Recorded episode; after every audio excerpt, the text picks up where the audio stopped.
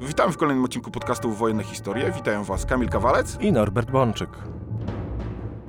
Druga wojna światowa była największym oraz najkrwawszym konfliktem w dziejach. Na bazie wielu lat własnych badań naukowych, wertowania tysięcy stron zarchiwizowanych meldunków wojskowych, wreszcie publikowania książek i artykułów, staramy się przybliżać szereg zagadnień związanych z tą okrutną wojną, a także obalać wiele mitów. Jeżeli podoba się Wam nasz podcast, możecie wesprzeć nas wpłatą w serwisie Patronate pod adresem patronate łamane na podcast Wojenne Historie. Albo kupić nam symboliczną kawę w serwisie Buy Coffee łamane na podcast Wojenne Historie. Norbert, rozmawialiśmy już parokrotnie o modernizacji naszego wojska w latach 30.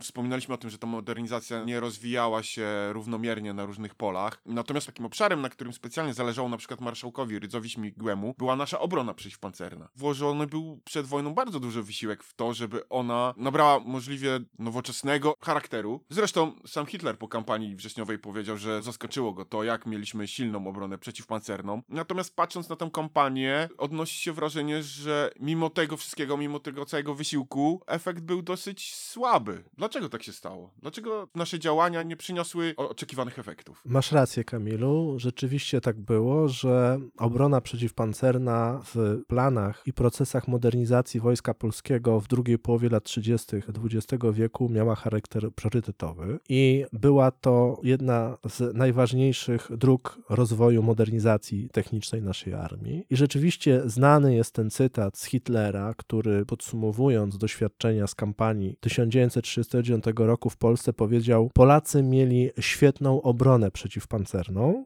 po czym dodał, ale nic im to nie dało. I niemieccy generałowie również w swoich raportach takich podsumowujących doświadczenia kampanii w Polsce mówili, że zostali zaskoczeni polską obroną przeciwpancerną w tym zakresie, że ona była, że była mimo wszystko tak rozbudowana oraz tym, że ich czołgi, o czym już mówiliśmy niedawno, że ich czołgi mają za słabe opancerzenie, że niemieckie czołgi należy wzmacniać ich pancerze, bo już kampania w 1939 roku pokazała, że jest tutaj problem. To jest zresztą bardzo charakterystyczne, jak na przykład dowódca czwartej Dywizji Pancernej po boju pod Mokrą 1 września też skonkludował, że Polacy nas zaskoczyli tymi swoimi małymi problematycznymi armatkami przeciwpancernymi, że nagle się okazało, że wojsko polskie ma jakąś nowoczesną broń. Niemcy lekceważyli nas w ten czy w inny sposób, a tutaj się okazało, że były takie elementy w wojsku polskim, elementy systemowe, które były nowoczesne albo przynajmniej równorzędne niemieckim, czyli właściwie też po prostu nowoczesne. I między 35 a 39 rokiem przywiązywaliśmy dużą wagę do tego zagadnienia, do zagadnienia obrony przeciwpancernej, ale we wrześniu 39 roku w wymiarze operacyjnym nie dało to nam nic. Czyli to właśnie miał na myśli Hitler, że Hitler powiedział mniej więcej coś takiego, właśnie, że zobaczcie, Polacy włożyli olbrzymi wysiłek w rozbudowę obrony przeciwpancernej, że stworzyli wielowarstwową obronę przeciwpancerną, mówił Hitler do swoich generałów, patrzcie, po czym tak właśnie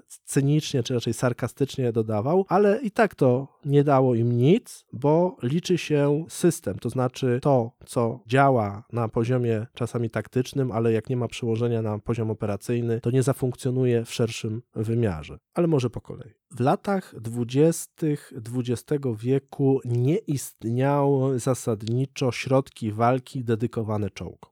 W związku z czym armie okresu międzywojennego, które dziedziczyły uzbrojenie, koncepcję walki po Wielkiej Wojnie, nie miały za bardzo środków dedykowanych niszczeniu czołgów. Czołgi w I wojnie światowej zasadniczo niszczyła artyleria polowa, czyli działa pułkowe, działa dywizyjne, artyleria klasyczna, armaty przede wszystkim strzałami na wprost. Tylko, że armaty polowe z racji swoich podstawowych funkcji prowadzenia ognia stromotorowego to są dosyć duże, ciężkie środki walki. Czołg natomiast jest bronią ruchową, pojazdem, który się przemieszcza, który łączy w sobie siłę ognia i ruch, w związku z czym działa polowe, haubice polowe nie są ze względu na swoje rozmiary, masę i przyrządy celownicze dobrze dostosowane do walki z przemieszczającym się pojazdem, celem, który trzeba razić na wprost. Armaty polowe były po prostu niepraktyczne w zwalczaniu czołgów, albo przynajmniej, bo II wojna światowa to częściowo zweryfikowała, raczej po prostu sądzono, że klasyczne armaty polowe, które przecież w I wojnie światowej mimo wszystko jakoś sprawdzały się w walce z czołgami, one będą jednak niepraktyczne, zwłaszcza w warunkach zmasowanego użycia przez przeciwnika czołgu. Bateria armat mogła rozstrzelać pluton czołgów przeciwnika, ale jeżeli kompania lub batalion czołgów przeciwnika nacierał, to przewaga ognia była już po stronie nacierającego. No i czołgi w I wojnie światowej były dla Niemców olbrzymim problemem. To znaczy powstrzymywanie czołgów było wyzwaniem. Niemcy stosowali różnego rodzaju metody, ale czołgi stanowiły dla nich do końca wojny problem i oni pod koniec I wojny światowej stwierdzili, że potrzebna jest specjalna armata przeciwpancerna dedykowana właśnie niszczeniu czołgów o kalibrze zdecydowanie mniejszym niż armata polowa i o rozmiarach i wadze masie zdecydowanie mniejszej, czyli taka, którą można szybko przetaczać, przemieszczać, bo skoro czołgi jeżdżą a to w prawo, a to w lewo, mówiąc tak kolokwialnie, to załoga tej armatki, obsługa tej armatki też musi przetaczać ją ciągle a to w lewo albo w prawo. To musi być mobilne, o wiele bardziej mobilne niż ważące kilkaset kilogramów czy nawet kilka ton jakieś działa polowe. I Niemcy pod koniec I wojny światowej stali się prekursorami badań nad środkami przeciwpancernymi. Wymyślili armatkę przeciwpancerną, wskazali na kaliber 3,7 cm jako idealny, bo przypomnę, że wtedy czołgi miały 10-20 mm pancerza, w związku z czym taka armatka mogła spokojnie przebić pancerz czołgowy. Czołgi nie były silnie opancerzone w I wojnie światowej, a niezależnie od tego szukali jakiegoś środka walki dla bezpośrednio piechoty. Niemieccy piechurzy w 18 roku masowo używali wiązek granatów między innymi, ale opracowano również karabin przeciwpancerny kaliber 13 mm, czyli kaliber, który gwarantował przebicie pancerza czołgowego do 12 mniej więcej milimetrów grubości tegoż pancerza. I Niemcy jakby kończyli I wojnę światową na poziomie koncepcyjnym z dobrymi pomysłami, tylko że no nie zdążyli ich wdrożyć na szerszą skalę, wojnę przegrali. Ale byli prekursorami państwem, gdzie do obrony przeciwpancernej przywiązywano największą wagę na całym świecie z racji swoich negatywnych doświadczeń z Wielkiej Wojny. Zresztą tutaj jakby dla naszych patronów temu zagadnieniu, czyli ewolucji niemieckiej obrony przeciwpancernej w II wojnie światowej poświęciliśmy osobny odcinek. A więc Niemcy mieli te rozważania teoretyczne, ale w latach dwudziestych byli zmuszeni przez państwa, które wojnę wygrały do rozbrojenia i nie prowadzili zbyt intensywnych prac oficjalnie, nieoficjalnie jak najbardziej takie prace były prowadzone i jeszcze w czasach Reichswehry Niemcy znaleźli, wydawało się wówczas idealny pomysł na walkę z czołgami, po prostu wyspecjalizowana, dedykowana armata przeciwpancerna, tak zwana Tank Abwehrkanone, w skrócie TAK. Potem, kiedy Niemcy zaczęli zastępować angielskie słowo tank, oznaczające czołg własnym niemieckim, pancerz-czołg, w tym wypadku chodzi o czołg i wtedy TAK zamienił się w PAK, czyli w Panzerabwehr kanony, czyli armatę przeciwpancerną. I Niemcy byli tu prekursorami, prowadzili badania również w oparciu o filie firm, które pozakładali w państwach neutralnych, takich jak Szwajcaria czy Szwecja, żeby móc obchodzić ograniczenia traktatu wersalskiego. Ale lata 20 minęły, pojawiły się lata 30. Wojsko polskie nie posiadało środków obrony przeciwpancernej i też w latach 20 specjalnie nie widziało potrzeby rozbudowy takich środków, ponieważ dwa państwa wrogie Polsce, czyli Rzesza Niemiecka i Związek Radziecki w latach dwudziestych nie były potęgami pancernymi. Niemcy były rozbrojone i traktat wersalski w ogóle zabraniał im posiadania czołgów, natomiast Armia Czerwona czołgi posiadała, ale nie były to ilości, które stanowiłyby jakiś realny problem na polu walki. W związku z czym czołg był problemem i o tym problemie w Wojsku Polskim wiedziano. Znaczy, był problemem pod tytułem jak pułk piechoty, jak batalion piechoty, jak kompania piechoty, jak pluton piechoty, wreszcie jak drużyna piechoty może na polu walki w bezpośrednim starciu niszczyć lub obezwładniać czołgi. To nie był w latach dwudziestych poważny ani palący problem, ale istniał. Było wiadomo, że gdzieś na tym polu walki, zwłaszcza z Armią Czerwoną, te czołgi się przecież pojawią. I Wojsko Polskie zakładało, że idealnym rozwiązaniem byłoby posiadanie uniwersalnego działa piechoty, które łączyłoby w sobie funkcję przeciwpancerną z funkcją lekkiego działa piechoty, czyli poszukiwano, można można by powiedzieć, takiego uniwersalnego środka walki, bo ten uniwersalizm gwarantowałby między innymi i to, że biedne państwo, jakim była Polska, nie musi osobno kupować takiej armaty do zwalczania tego, takiej armaty do zwalczania tego i działa, które zwalczać ma jeszcze coś innego, tylko jak piechota dostanie uniwersalną armatkę, lekką, małą armatkę, to ona będzie dobra do tego, do tego, do tego. I stwierdzono, że kaliber mniej więcej 40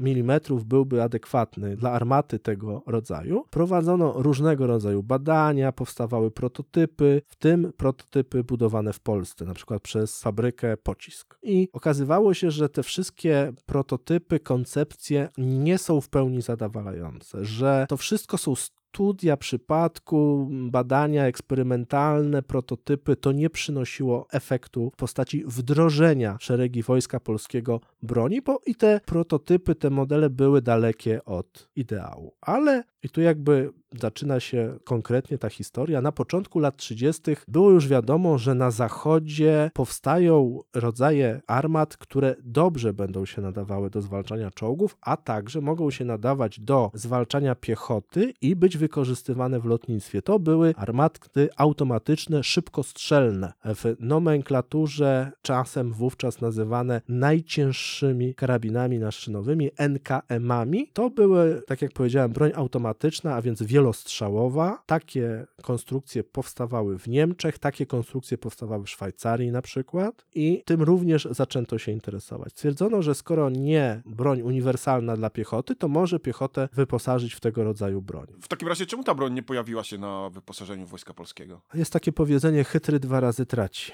To znaczy, my już wiedzieliśmy, że to jest bardzo ciekawy kierunek rozwoju wojska, ale zlekceważyliśmy na początku lat 30. ten kierunek rozwoju armat automatycznych kaliber 2 cm, które były uniwersalne, dlatego że one się wtedy dobrze nadawały i do montażu, jak powiedziałem, do samolotów jako działka, tak zwane działka, do czołgów, do samochodów pancernych i jako osobne armaty do ognia, zarówno przeciwlotniczego, przeciwpancernego, jak i przeciwpiechotnego. Myśmy to w jakimś zakresie niestety zlekceważyli, dlatego że nie chcieliśmy kupować czy to od Francuzów, czy od Szwajcarów licencji. Były takie firmy jak Hispano Suiza czy Solotun, które miały w ofercie tego rodzaju broń, ale my stwierdziliśmy, że koncepcja jest dobra, ale że my sami zbudujemy sobie własną dwucentymetrową armatę automatyczną, że nie potrzebujemy licencji i odrzuciliśmy na początku lat 30. koncepcję zakupu zagranicznego na rzecz własnej produkcji. Opracowanie samodzielnie takiego NKM-u, bo to wówczas nazywano NKM-em, ten dwucentymetrowy, czyli w naszej nomenklaturze 20 mm armatę automatyczną, szybkostrzelną, opracowywaliśmy na tyle długo w trzech wariantach, czołgową, lotniczą i, i piechoty, że ona się pojawiła dopiero jako produkt finalny i fabryczny w roku 1939. Innymi słowy, chcąc zrobić samodzielnie coś, co można było kupić wcześniej na to licencję, straciliśmy prawie 10 lat. Realnie 7, ale tak to niestety wyglądało. W związku z czym Wojsko Polskie w 1939 roku było pozbawione tego środka walki. Nie mieliśmy armat tej klasy, dlatego że błędy z początku lat 30. ich nie dało się już naprawić. Potem w 1935, 1936 roku, kiedy zdano sobie sprawę z tych błędów, no to proces prac projektowych i badawczych nad własną armatą tego kalibru był na tyle już zaawansowany, że z kolei było bez sensu to porzucić i brać licencję. Innymi słowy, taka dosyć nieszczęśliwa sytuacja. 1 września 1939 roku to Wojsko Polskie miało 24 NKM-y własnej produkcji kalibru 20 mm, zamontowane zresztą w tankietkach. Nie zdążyliśmy tego rodzaju broni przekazać jako działek bezpośrednio dla jednostek przeciwpancernych czy przeciwlotniczych, podczas gdy Niemcy masowo używali wówczas tego rodzaju zestawów, tych dwucentymetrowych, także przeciwko piechocie, ale one, co ciekawe, w armii niemieckiej były często jako albo w dywizjonach przeciwlotniczych, ale też były umieszczane strukturalnie w batalionach karabinów maszynowych. Niemcy stosowali tego rodzaju armaty automatyczne, szybkostrzelne, zarówno jako broń przeciwlotniczą, jak i broń przeciwpiechotną. To było bardzo groźne dla każdej piechoty, bo człowiek w zetknięciu z nabojem 2 cm dostają z niego strzępy. I tu niestety ten element mieliśmy spóźniony, ale w ogóle pierwsza połowa lat 30. okazała się w zakresie realnych decyzji co do obrony przeciwpancernej zupełnie zmarnowaną. Wdrażaliśmy czołgi, okręty, samoloty, natomiast obrona przeciwpancerna była w powijakach, a sytuacja zaczęła się pogarszać. W 1931 i w 1932 roku nasi oficerowie będący przedstawicielami ataszatów w Moskwie zaczęli przesyłać bardzo dużo informacji o gwałtownej rozbudowie potencjału pancernego Armii Czerwonej. Do 1935 roku szacowano, że Armia Czerwona ma już 10 tysięcy czołgów, a w rzeczywistości miała ich nawet jeszcze trochę więcej. Było wiadome i nasza prasa specjalistyczna wojskowa poświęcała temu zagadnieniu bardzo dużo miejsca i uwagi, że Armia Czerwona, czyli potencjał potencjalny główny przeciwnik Wojska Polskiego, gwałtownie rozbudowuje swoją broń pancerną, zarówno na szczeblu taktycznym, jak i na szczeblu operacyjnym, gdyż czołgi są przydzielane i do piechoty, i do kawalerii, jak i formowane są z nich samodzielne związki taktyczne szczebla korpuśnego. Było więc wiadomo, że czołg będzie coraz większym zagrożeniem na polu walki. Jednocześnie Niemcy w 1934 roku powołali pierwsze jednostki pancerne oficjalnie, a w 1935 roku utworzyli pierwsze dywizje pancerne. I było już wiadomo, że pod względem zaawansowania technicznego wojsko polskie bardzo mocno odstaje od swoich potencjalnych głównych przeciwników, także w zakresie obrony przeciwpancernej. W 1935 roku zmarł marszałek Piłsudski i ostatecznie jego następcą jako generalny inspektor sił zbrojnych został najpierw generał, a potem marszałek Śmigły Ryc. I on stwierdził wówczas, wiedział o tym już wcześniej, ale teraz jako osoba w pełni decyzyjna, gdzie decyzje jakby były w jego rękach, stwierdził, że trzeba jak najszybciej podjąć przeciwdziałanie, znaczy kroki zaradcze wobec tragicznego stanu obrony przeciwpancernej Wojsku Polskim. I Śmigły Ryc bardzo rozsądnie zażądał budowy wielowarstwowego systemu obrony przeciwpancernej. Co to oznacza? Na czym miał polegać ten właśnie wielowarstwowy system? To znaczy chodzi o to, że na każdym szczeblu obronny należy posiadać odpowiednie efektory do walki z czołgami. Na szczeblu plutonu, kompanii, batalionu czy dywizji piechoty oraz ewentualnie na wyższym szczeblu. Chodzi o to, że należy posiadać różnego rodzaju cięższe, lżejsze, krótkiego zasięgu, średniego zasięgu środki rażenia. W przypadku obrony przeciwpancernej, według polskiego planu, to miały być tak cztery podstawowe kategorie i dwie kategorie uzupełniające. Cztery podstawowe to tak: karabin przeciwpancerny, NKM, czyli najcięższy karabin maszynowy, armata przeciwpancerna dedykowana, działo polowe dostosowane do walki z czołgami. Plus dwa elementy uzupełniające, czyli obrona oparta o miny przeciwpancerne i wiązki granatów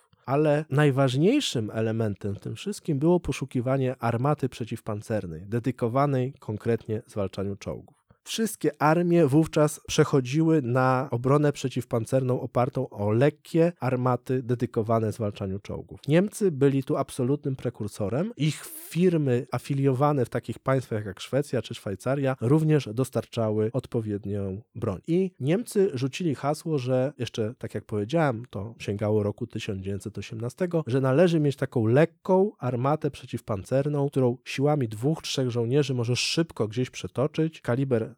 3,7 cm, 37 mm to będzie idealna broń do zwalczania czołgów. Pociski wystrzeliwane z takiej armaty będą osiągały bardzo dużą prędkość wylotową pocisku, co będzie powodowało, że będą miały dobry efekt penetracyjny pancerza. Do tego dochodziła odpowiednia amunicja. Ta koncepcja się przyjęła wszędzie. Wszyscy zaczęli wdrażać swoje armaty przeciwpancerne od kalibru, powiedzmy na przykład we Francji to było tak, że tam były aż dwa kalibry, a właściwie trzy kalibry, 25 mm, 37 i 47 mm. Anglicy postawili na 40 mm. My również postawiliśmy na 37 mm. Rosjanie kupili licencję od Niemców na armatę przeciwpancerną firmy Rheinmetall i z początku też to u nich było 37 mm. Potem oni troszeczkę zwiększyli kaliber. Ich armata przeciwpancerna miała ostatecznie kaliber 45 mm. Ale wszyscy jakby wdrażali tą broń. No i wojsko polskie, idąc tym nowoczesnym trendem, starało się pozyskać armatę przeciwpancerną właśnie kaliber 37 mm. Siłami własnego przemysłu opracowanie takiej armaty było właściwie niemożliwe. Istniała szansa zainwestowania w prototyp, prace rozwojowe nad własnymi armatami przeciwpancernymi jak najbardziej były prowadzone, ale po doświadczeniach choćby z tym NKM-em z początku lat 30. było wiadomo, że to potrwa, że to będą lata badań, lata prac, zanim coś będzie dostępne. Siłami własnego przemysłu nie da się szybko zbudować czegoś takiego. Więc skoro mieliśmy negatywne i złe doświadczenie z początku lat 30. z NKM-em, to zdecydowaliśmy się tym razem już znacznie bardziej rozsądnie i mądrze kupić licencję. Kupiliśmy w państwie neutralnym, które było zainteresowane współpracą z nami, ponieważ mogło przez inwestycje w Polsce promować swoje produkty na rynki trzecie. Innymi słowy, szwedzki Bofors, bo o tej firmie mówimy, miał nam do zaoferowania armatę przeciwpancerną kaliber 37 mm i armatę przeciwlotniczą kaliber 40 mm, tylko Bofors miał ten problem, że nie miał mocy produkcyjnych, które by nas satysfakcjonowały. Innymi słowy, Bofors był zainteresowany sprzedażą licencji na tego typu armaty do Polski, gdyż to polski wykonawca mógł być potem tym ogniwem pośrednim do sprzedaży armat Boforsa w krajach trzecich. Szwedom zależało i nam też, no to żeśmy się dogadali. Nie było tu żadnych jakichś istotnych czynników politycznych, które by ważyły na tym, że ktoś nie może nam sprzedać. Na przykład było wiadomo, że Niemcy nie będą chcieli nam sprzedać, czy Związek Radziecki tym bardziej nie będzie chciał nam sprzedać. Francuzi mogli być potencjalnym sprzedawcą, ale jak to u Francuzów bywało, sami ratowali własne zapóźnienia. 15 lat niewiele robili, to potem jak już usiedli i zaczęli robić, to nie za bardzo mieli ochotę sprzedawać za granicę, skoro sami nie mieli. Chcieli najpierw wyposażać własną armię. Poza tym armaty francuskie nie w pełni nas zadawalały. Więc wybraliśmy, można by powiedzieć, naprawdę świetną armatę przeciwpancerną firmy Bofors i w połowie lat 30. podpisaliśmy stosowne umowy. W latach 35-36 śmigły Ryc miał tą satysfakcję, że jest umowa z Boforsem, że zaczyna się produkcja w kraju, że w Polsce powstaje fabryka dla tych armat, potem kolejne, bo to było tak, że najpierw powstała jedna, potem były tworzone filie tych fabryk, które mogły produkować armaty Boforsa, znaczy kolejne zakłady były przystosowywane do ich produkcji. W roku 1900 1937 armaty przeciwpancerne zaczęły napływać do Wojska Polskiego i zakupy armat przeciwpancernych miały priorytet. My byliśmy na tyle biedni, że nie mogliśmy jednocześnie kupować nowej artylerii klasycznej i artylerii przeciwlotniczej i przeciwpancernej. Musieliśmy wybrać albo, albo. I wybraliśmy armaty przeciwpancerne i przeciwlotnicze zamiast rozwoju artylerii klasycznej, bo artylerię klasyczną, co prawda przestarzałą, ale jakąś już mieliśmy, a brony przeciwlotniczej i przeciwpancernej praktycznie nie mieliśmy żadnej. W związku z czym priorytetem finansowym, produkcyjnym, wysiłku przemysłowo-finansowego, wysiłku szkoleniowego, tworzenia nowych pododdziałów itd., tak ten wysiłek Wojsko Polskie skierowało na obronę przeciwpancerną i przeciwlotniczą. A jaką tak naprawdę armatą była ta armata Boforsa? Wspomniałeś, że była nowoczesna. Tak, to było bardzo udane, nowoczesne działo, które w połowie lat 30. czy pod koniec lat 30. XX wieku było w światowym topie. To była armata zbudowana według niemieckiej koncepcji. Tak jak firma Rheinmetall postawiła przedstawiła swoją armatę PAK 3,7 cm jako wzór, tak Szwedzi poszli tą drogą i nasza armata była po prostu analogiem niemieckiego działa. Ten sam kaliber, bardzo podobne wymiary, bardzo podobne możliwości, przede wszystkim armatka do niszczenia czołgów, pojazdów opancerzonych, lekko, średnio przeciwnika. W 1939 roku pocisk z takiej armaty gwarantował pewne przebicie każdego niemieckiego czołgu na średnim i krótkim dystansie, a w sprzyjających okolicznościach nawet na dystansie odległym. Z armat przeciwpancernych zasadniczo strzela się na dystans kilkaset metrów. On gwarantuje stuprocentowe porażenie celu. Armata tak gwarantowała, że z takiej odległości każdy niemiecki czołg w 1939 roku zostanie obezwładniony. Nie zniszczony, bo to też wyraźnie podkreślmy, często się myli pojęcie czołgu zniszczonego z obezwładnionym, ale chodzi o to, że taki czołg można obezwładnić, uszkodzić, zabić załogę lub uszkodzić jego mechanizmy wewnętrzne i to te armaty gwarantowały. One były bardzo dobrą odpowiedzią na zagrożenie piechoty przez czołgi przeciwnika. Piechota dostawała razem z taką armatą Boforsa wzór 1936 6 skuteczne narzędzie do walki z czołgiem przeciwnika. I to był ten najważniejszy element. Jednocześnie podjęto wysiłek opracowania tabel, taktyki obrony przeciwpancernej opartej o działa polowe. No przede wszystkim podstawowe nasze działa polowe, kaliber 75 mm, wzór 1897, produkowano stosowną amunicję, odpowiednie tabele. To było uzupełnienie, ale też istotne. Można byłoby strzelać z armat polowych bezpośrednio do czołgów, a niezależnie od tego trwały prace nad karabinem przeciwpancernym i nad NKM-em. Można by powiedzieć, że ten karabin karabin przeciwpancerny i ten NKM były wzoru niemieckiego, w tym sensie, że powielały niemiecką koncepcję obrony przeciwpancernej, natomiast w wymiarze technicznym były konstrukcjami własnymi. Powstał polski NKM oraz powstał karabin przeciwpancerny, co ciekawe, kalibru analogicznego do kalibru zwykłego karabinu, czyli 7,92 mm, znów wzoru niemieckiego, bo mówimy o Mauserze i kalibrze 7,92 mm. Natomiast powstał ten nasz karabin przeciwpancerny, zwany Urem lub Urugwajem, wzorowany na niemieckim karabinie z I wojny światowej, ale tym się różniący, że miał mniejszy kaliber i nie urywał ręki temu, kto z niego strzelał. To to było dosyć istotne. To była bardzo ciekawa, relatywnie udana broń. Ona zaczęła wchodzić na uzbrojenia Wojska Polskiego w 1939 roku. Ten karabin jest chyba jednym z najbardziej mitycznych środków walki, jakim dysponowało Wojsko Polskie, bo często spotykamy się z opiniami, że gdybyśmy mieli więcej, gdyby one nie były tajną bronią, to ta kampania potoczyłaby się inaczej inaczej. Czy to prawda? Nie, to nie jest prawda. Jak przejdziemy do podsumowania, dlaczego to wszystko, co zrobiliśmy i włożyliśmy tyle pieniędzy, wysiłku i zaangażowania, dlaczego nam to wszystko nie dało nic, to o tym za chwilę, ale nie, to nie była prawda. Znaczy, karabin UR był dobrą bronią i on gwarantował przebicie pancerza właściwie wszystkich czołgów niemieckich na krótkich dystansach. Tą broń zaczęto wydawać jednostkom w polu relatywnie późno, to była broń tajna, były problemy z przydziałem amunicji, niewielka liczba żołnierzy została przeszkolona w sposób właściwy w użytkowaniu URA. Ze względu na przesadną tajność, żołnierze zbyt późno dowiedzieli się o istnieniu tej broni. Amunicji do tej broni było niewystarczająco, bo chociaż kaliber był zachowany klasycznego karabinu, to jednak nabój przeciwpancerny do URA był jednak zupełnie inny niż do zwykłego karabinu. To powodowało, że ta broń nie była dobrze w wojsku znana i taktyka jej wykorzystania nie była dopracowana, bo ćwiczenie czyni mistrza. Skoro masz broń, ale ona jest tajna i nie możesz jej użyć na ćwiczeniach w zbyt szerokim zakresie, zbyt mało żołnierzy jest poinstruowanych, jak jej używać, to się zemści na tobie na polu walki. I tak było oczywiście w roku 1939. Natomiast założenie, że karabinem przeciwpancernym czy karabinami przeciwpancernymi użytymi masowo można zatrzymać natarcie czołgów samymi karabinami pancernymi jest niedorzeczne. Po to właśnie budowano w Polsce wielowarstwową obronę przeciwpancerną, żeby na kolejnych dystansach mogły wchodzić do walki kolejne środki Karabin przeciwpancerny był de facto bronią ostatniej szansy, tak jak granat, dlatego że mimo swoich bardzo dobrych zdolności penetracyjnych, UR miał kaliber 7,92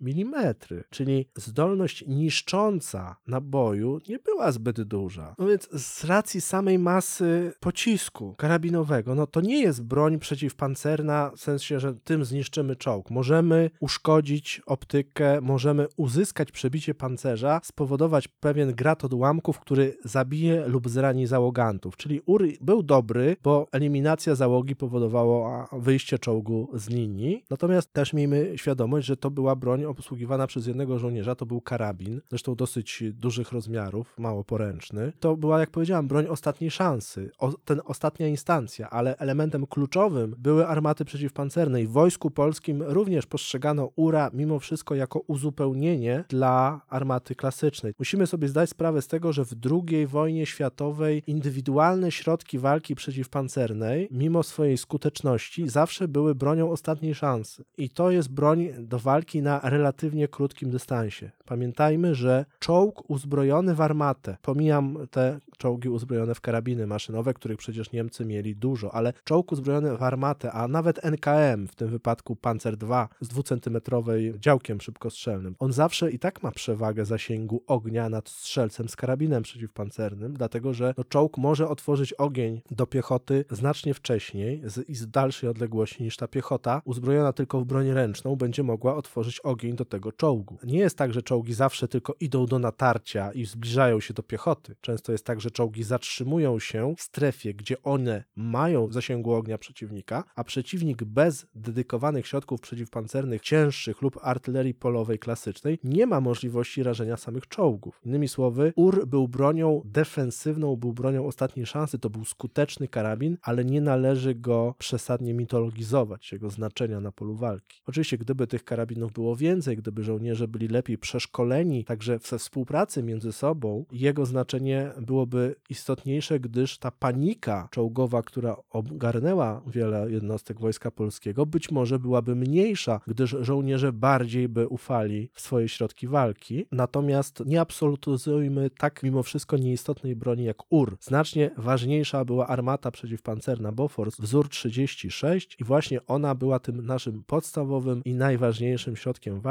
My otrzymaliśmy, wyprodukowaliśmy do 1939 roku ponad 1300 takich armat. Tutaj jakby ta dyskusja wśród historyków wojskowości, ile dokładnie ich było, trwa, ale można z czystym sumieniem powiedzieć, że było ich co najmniej 1300, czyli to była najważniejsza, bo najliczniej dostarczana w szeregi Wojska Polskiego armata przeciwpancerna i w ogóle jakakolwiek armata, jaką Wojsko Polskie kupowało między 36 a 39 rokiem. Czyli produkcja masowa, jak na polskie warunki, naprawdę masowa produkcja armat Boforsa, to był absolutny priorytet i rzeczywiście te armaty, one mogły już walczyć z każdym czołgiem niemieckim, i radzieckim na takim samym dystansie jak ten czołg. Innymi słowy, czołgi ówczesne były uzbrojone zasadniczo w działa, które miały zasięg taki jak właśnie armata Boforsa. I już tutaj czołgi nie mogłyby z Boforsami walczyć poza systemem obrony przeciwpancernej, musiały wejść w strefę rażenia polskich armat przeciwpancernych, dlatego Boforsy były nawet na poziomie taktycznym o wiele ważniejsze niż karabiny UR. Niestety, jak już powiedziałem, spóźniliśmy się z trzecim elementem, czyli spóźniliśmy się z armatą dwucentymetrową, czyli z NKM-em 20 mm. Tego nie było w naszym wojsku. Mieliśmy całe 24 takie NKM-y zamontowane w TKS-ach, w kompaniach i szwadronach czołgów, tak zwanych rozpoznawczych. Tego było bardzo mało, to nie odegrało żadnej roli na polu walki, więc naszą podstawą była armata przeciwpancerna 37 mm. UR był uzupełnieniem, NKM nie zdążył. My również używaliśmy w walkach armat polowych, czyli strzelaliśmy z armat 75 mm na wprost. O to chciałem spytać, jaka skuteczność była tych armat 75 mm w walce z czołgami? No niestety bardzo niewielka, dlatego że to był kasus I wojny światowej jeszcze. Armata polowa, jeżeli czołgi stoją i stanowią nieruchomy cel, może być skutecznym narzędziem walki. Natomiast jeżeli czołgi są w ruchu, porażenie czołgów w ruchu z armaty tego rodzaju jest dziełem przypadku. Mamy odcinek o bitwie pod Mokrą, zachęcamy do jego wysłuchania. Tam mamy właśnie taki klasyczny przypadek, gdzie dywizjon artylerii konnej odpiera ataki czołgów ogniem na wprost. To się częściowo udaje, częściowo się to nie udaje, natomiast no jest to klasyczny przypadek, że byliśmy do tego szkoleni, mieliśmy ku temu odpowiednie procedury, natomiast nie jest to rzecz łatwa. To oczywiście trafienie czołgu Panzer 1 czy Panzer 2 granatem kaliber 75 mm, często ten czołg kompletnie demoluje albo niszczy. No już go nie obezwładnia, ona go niszczy. Natomiast ze względu na masę armaty, na kwestie przyrządów celowniczych, na operowanie, ruch armatą, strzelanie do czołgów z tego rodzaju dział było tylko elementem uzupełniającym. To było trenowane, do tego były przygotowania, ale to nie było to, co było najważniejsze. Najważniejsze było szybkie obezwładnienie czołgów z armat Boforsa, dlatego że też no, szybkostrzelność armaty Boforsa, możliwość nakierowania jej na cel, mała armatka, którą można szybko przetoczyć siłą ludzkich mięśni, to były elementy kluczowe. Można by powiedzieć, że z jednej strony to, o czym teraz mówimy, to jest taki pozytywny obraz. Nie zlekceważono w wojsku polskim problemu obrony przeciwpancernej. Nadano temu zagadnieniu priorytet i zainwestowano dużo i w rozwój przemysłu, i w szkolenie wojsk, i w implementację różnego rodzaju środków przeciwpancernych w szeregi Wojska Polskiego. To wszystko zaistniało i szliśmy na wojnę w 1939 roku, mając, jak wspomniałem, ponad 1300 armat 37 mm,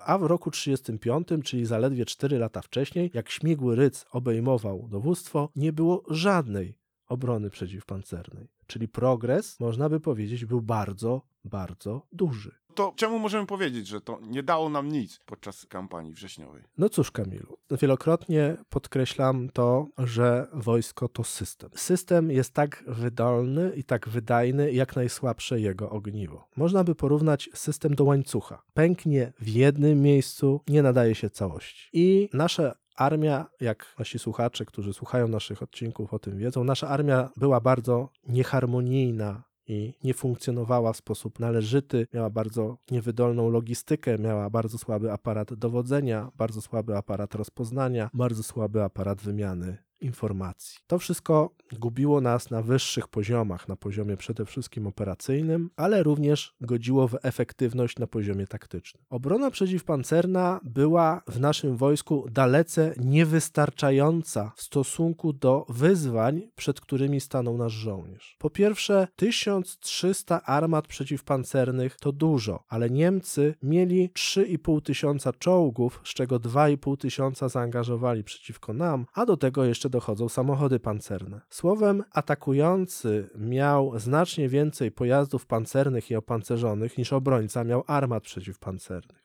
To po pierwsze. Czyli wysiłek nasz był duży, ale nieadekwatny do zagrożenia.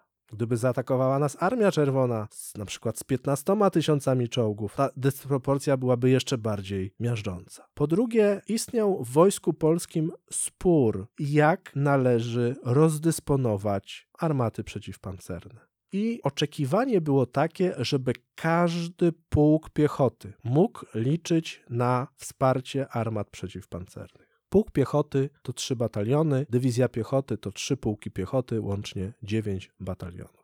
My mieliśmy bardzo duże liczebnie wojsko. 30 dywizji piechoty czasu pokojowego i jeszcze kilkanaście brygad kawalerii. Wysłanie armat przeciwpancernych do wszystkich związków taktycznych spowodowało całkowite rozproszenie i rozwodnienie potencjału przeciwpancernego. No bo ja powiedziałem, że Niemcy zaatakowali nas mając 2,5 tysiąca czołgów, ale te 2,5 tysiąca czołgów nie walczyło ze wszystkimi polskimi dywizjami piechoty. Były takie dywizje piechoty Wojska Polskiego, które przez całą kampanię na oczy czołgu nie zobaczyły. Miały armaty przeciwpancerne, czołgi ich nie atakowały. Innymi słowy, broń przeciwpancerna została rozproszona, bo była bronią defensywną, podczas gdy Niemcy swoją bronią ofensywną, czyli czołgi, skomasowali na wybranych kierunkach. Innymi słowy, jedna polska dywizja piechoty musiała się czasem zmierzyć z 300 czołgami niemieckimi, a inna wcale. Niemcy Prowadząc badania i wyciągając wnioski z I wojny światowej, stwierdzili, że żeby zatrzymać natarcie czołgów, Związek Taktyczny Szczebla Dywizji Piechoty musi mieć co najmniej 75 własnych armat przeciwpancernych. Ja szerzej o tym mówiłem w odcinku o ewolucji niemieckiej obrony przeciwpancernej dla naszych patronów. To były doświadczenia niemieckie. 75 armat oznaczało, że w każdym pułku piechoty niemieckiej musi być co najmniej kompania przeciwpancerna, 12 armat, co dawało 4 cztery armaty na batalion piechoty, ale niezależnie od tego, jeszcze dowódca dywizji musi mieć własny batalion przeciwpancerny, który będzie powielał, dwukrotnie zwiększał siłę obrony przeciwpancernej, czyli kolejne 36 armat, czyli 36 armat po 12 w trzech pułkach piechoty, 36 armat w batalionie przeciwpancernym, do tego jeszcze samodzielna bateria, tudzież pluton przeciwpancerny w sztabie, co dawało razem 75 armat. My nie mieliśmy takich możliwości, mając 30 dywizji piechoty czasu pokojowego, żeby wypełnić w podobny sposób strukturalnie obronę przeciwpancerną. Chcieliśmy mieć połowę tego, co Niemcy. Chcieliśmy mieć 36 armat przeciwpancernych w trzech kompaniach, po 12 armat każda. Tyle tylko, że ze względu na wielkość własnej armii nie byliśmy w stanie nawet tego w pierwszym etapie modernizacji załatwić i okrajaliśmy kompanie przeciwpancerne z 12 do 9 armat przeciwpancernych, co dla dywizji oznaczało, że każda polska dywizja piechoty miała 27 armat przeciwpancernych wedle etatu, podczas gdy niemiecka dywizja pancerna miała ich 75. Ale najważniejsze było to, że sami Niemcy przed wojną konkludowali, że 30 armat przeciwpancernych jest niewystarczającą liczbą do skutecznej obrony przeciwpancernej szczebla dywizji. Innymi słowy, dywizja piechoty, która według regulaminu musi bronić się na odcinku do 10 km, Oczywiście mówię o regulaminowym systemie obrony, bo przypominam, że we wrześniu 1939 roku niektóre polskie dywizje piechoty dostawały pasy odpowiedzialności 4 czy 5 razy szersze, czyli według regulaminu powinny się bronić na 10 km, a dostawały pas obrony 50, co tym bardziej powodowało, że jakakolwiek obrona przeciwpancerna była zupełnie iluzoryczna. Ale nawet przy założeniu, że dywizja piechoty według regulaminu broni się tylko na 10 km, to 30 armat przeciwpancernych nie zapewni wystarczającego nasycenia obrony Pepans, czyli taka obrona musi być i wszerz, i w głąb. To znaczy chodzi o to, że czołgi zwalcza się z gniazd pułapek przeciwpancernych. Do czołgów musi strzelać kilka armat jednocześnie i ta obrona musi być użytowana w głąb. Jeżeli ma się tylko 27 armat przeciwpancernych, tak jak my mieliśmy, to tu efektu nie będzie. Gubiło nas to, że mieliśmy tyle dywizji, więc rozwodniliśmy nasz potencjał. Wojsko polskie, mając tyle dywizji i mając niewystarczającą liczbę armat przeciwpancernych, marnowało ten potencjał, wysyłając je wszędzie, czyli starając się w pierwszej kolejności każdemu batalionowi piechoty zapewnić chociaż minimalną obronę przeciwpancerną na poziomie trzech armat przeciwpancernych. To założenie było może nie tyle co błędne, co nie dawało możliwości skutecznej obrony przeciwpancernej. Po prostu armat było za mało w stosunku do liczby dywizji. I to był jeden czynnik. I ten czynnik był o tyle nieistotny, że w armii niemieckiej, ja ciągle mówię o tej armii niemieckiej, bo musimy sobie zdawać sprawę z tego, że przed wojną Wehrmacht był punktem odniesienia dla rozwoju obrony przeciwpancernej w innych państwach. Był punktem punktem odniesienia, bo żaden inny kraj, czy też siły zbrojne, nie miały takiej traumy, jaką mieli Niemcy. W związku z czym Niemcy poświęcali temu najwięcej uwagi.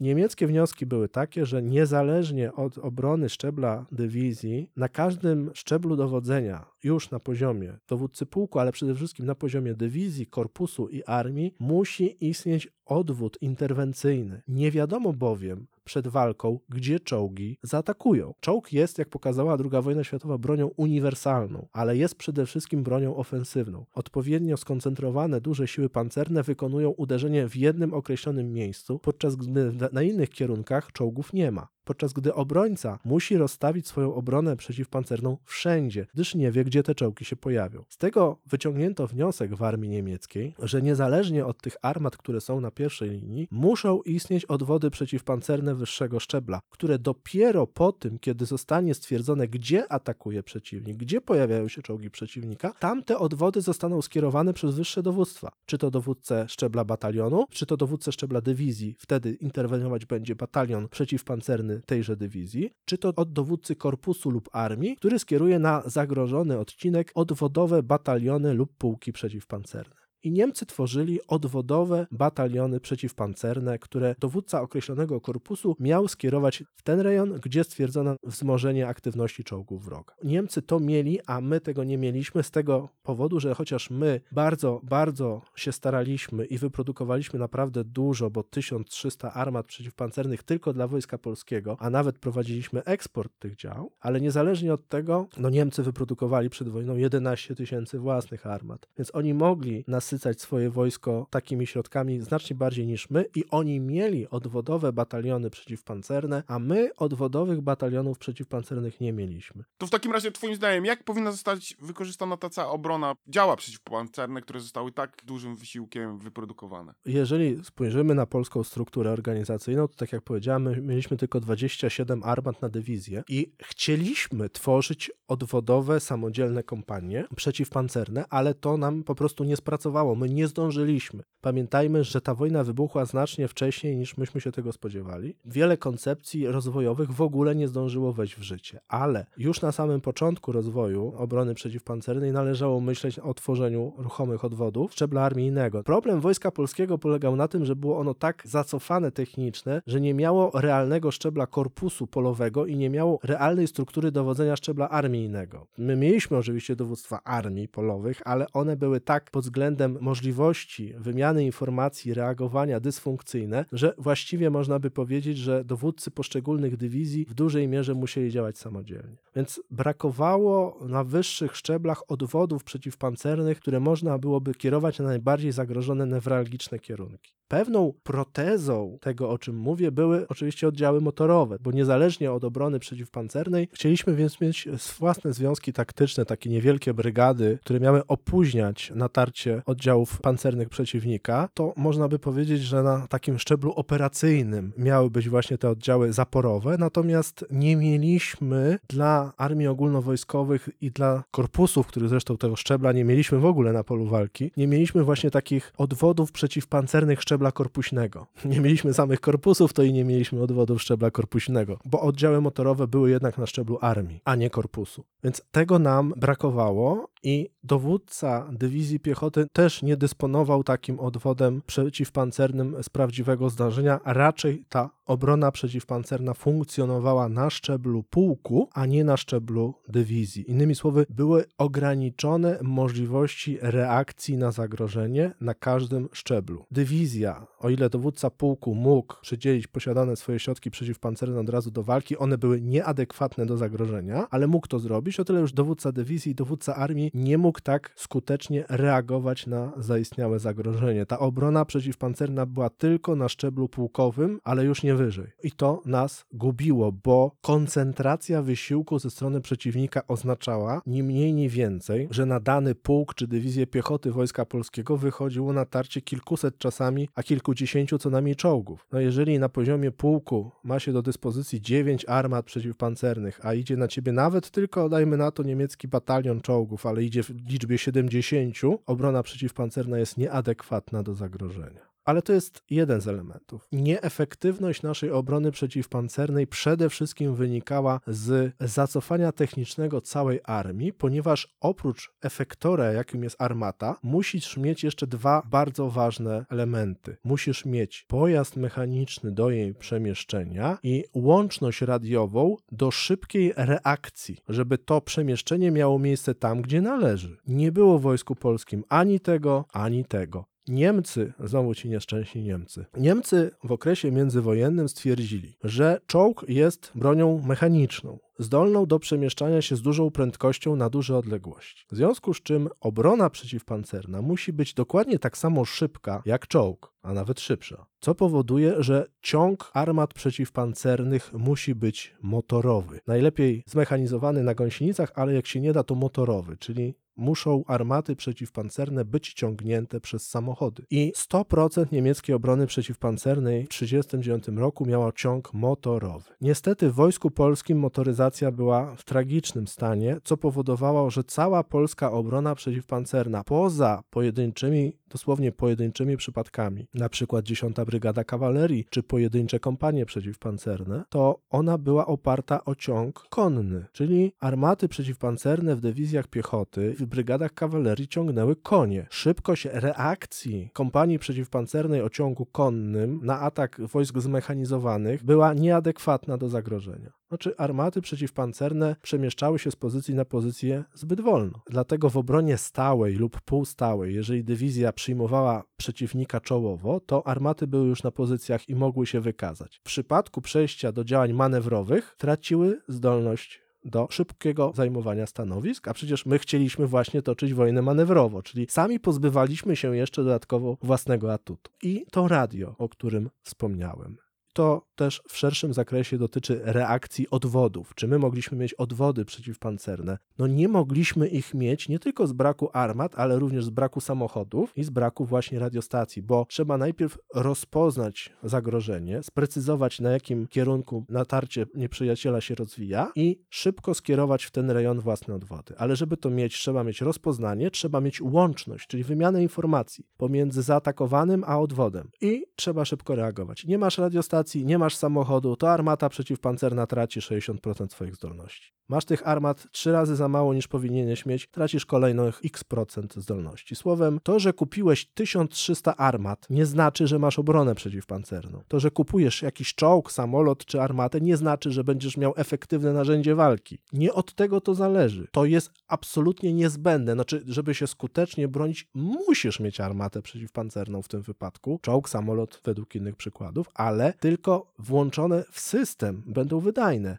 pozbawione systemu będą niewydajne. 1300 armat przeciwpancernych w Wojsku Polskim rozproszonych na zbyt wiele związków taktycznych, armaty przeciwpancerne o ciągu konnym, a nie o ciągu motorowym, brak łączności i właściwego rozpoznania, brak szczebla korpusu, zła struktura obrony przeciwpancernej na szczeblu armii. To wszystko powodowało, że skończyło się tak, jak powiedział Hitler. Polacy mieli doskonałą, świetną obronę przeciwpancerną, ale ona im nic nie dała. Tym kontrowersyjnym cytatem skończymy dzisiaj ten odcinek. Dostrzeżenie problemu było właściwe. Natomiast jak zawsze, no niestety z racji i to biedy Polski jako kraju przedwojennego i pewnych błędów strukturalnych skończyło się tak, jak się skończyło. Dokładnie tak, Kamilu. Bieda plus błędy strukturalne były tutaj elementami kluczowymi i oczywiście miażdżąca przewaga przeciwnika, bo tak jak powiedziałem, wysiłek był wielki, a i tak czołgów i samochodów pancernych przeciwnik miał na polu walki, na obszarze 3-4 razy więcej niż my mieliśmy tych armat przeciwpancernych. Norbert, dziękuję Ci zatem za ten dzisiejszy odcinek i do usłyszenia. Dziękuję bardzo. Dziękujemy za to, że byliście dzisiaj z nami. Czekamy na uwagi o tym odcinku zarówno na Facebooku, jak i na Instagramie, jak też i na YouTubie.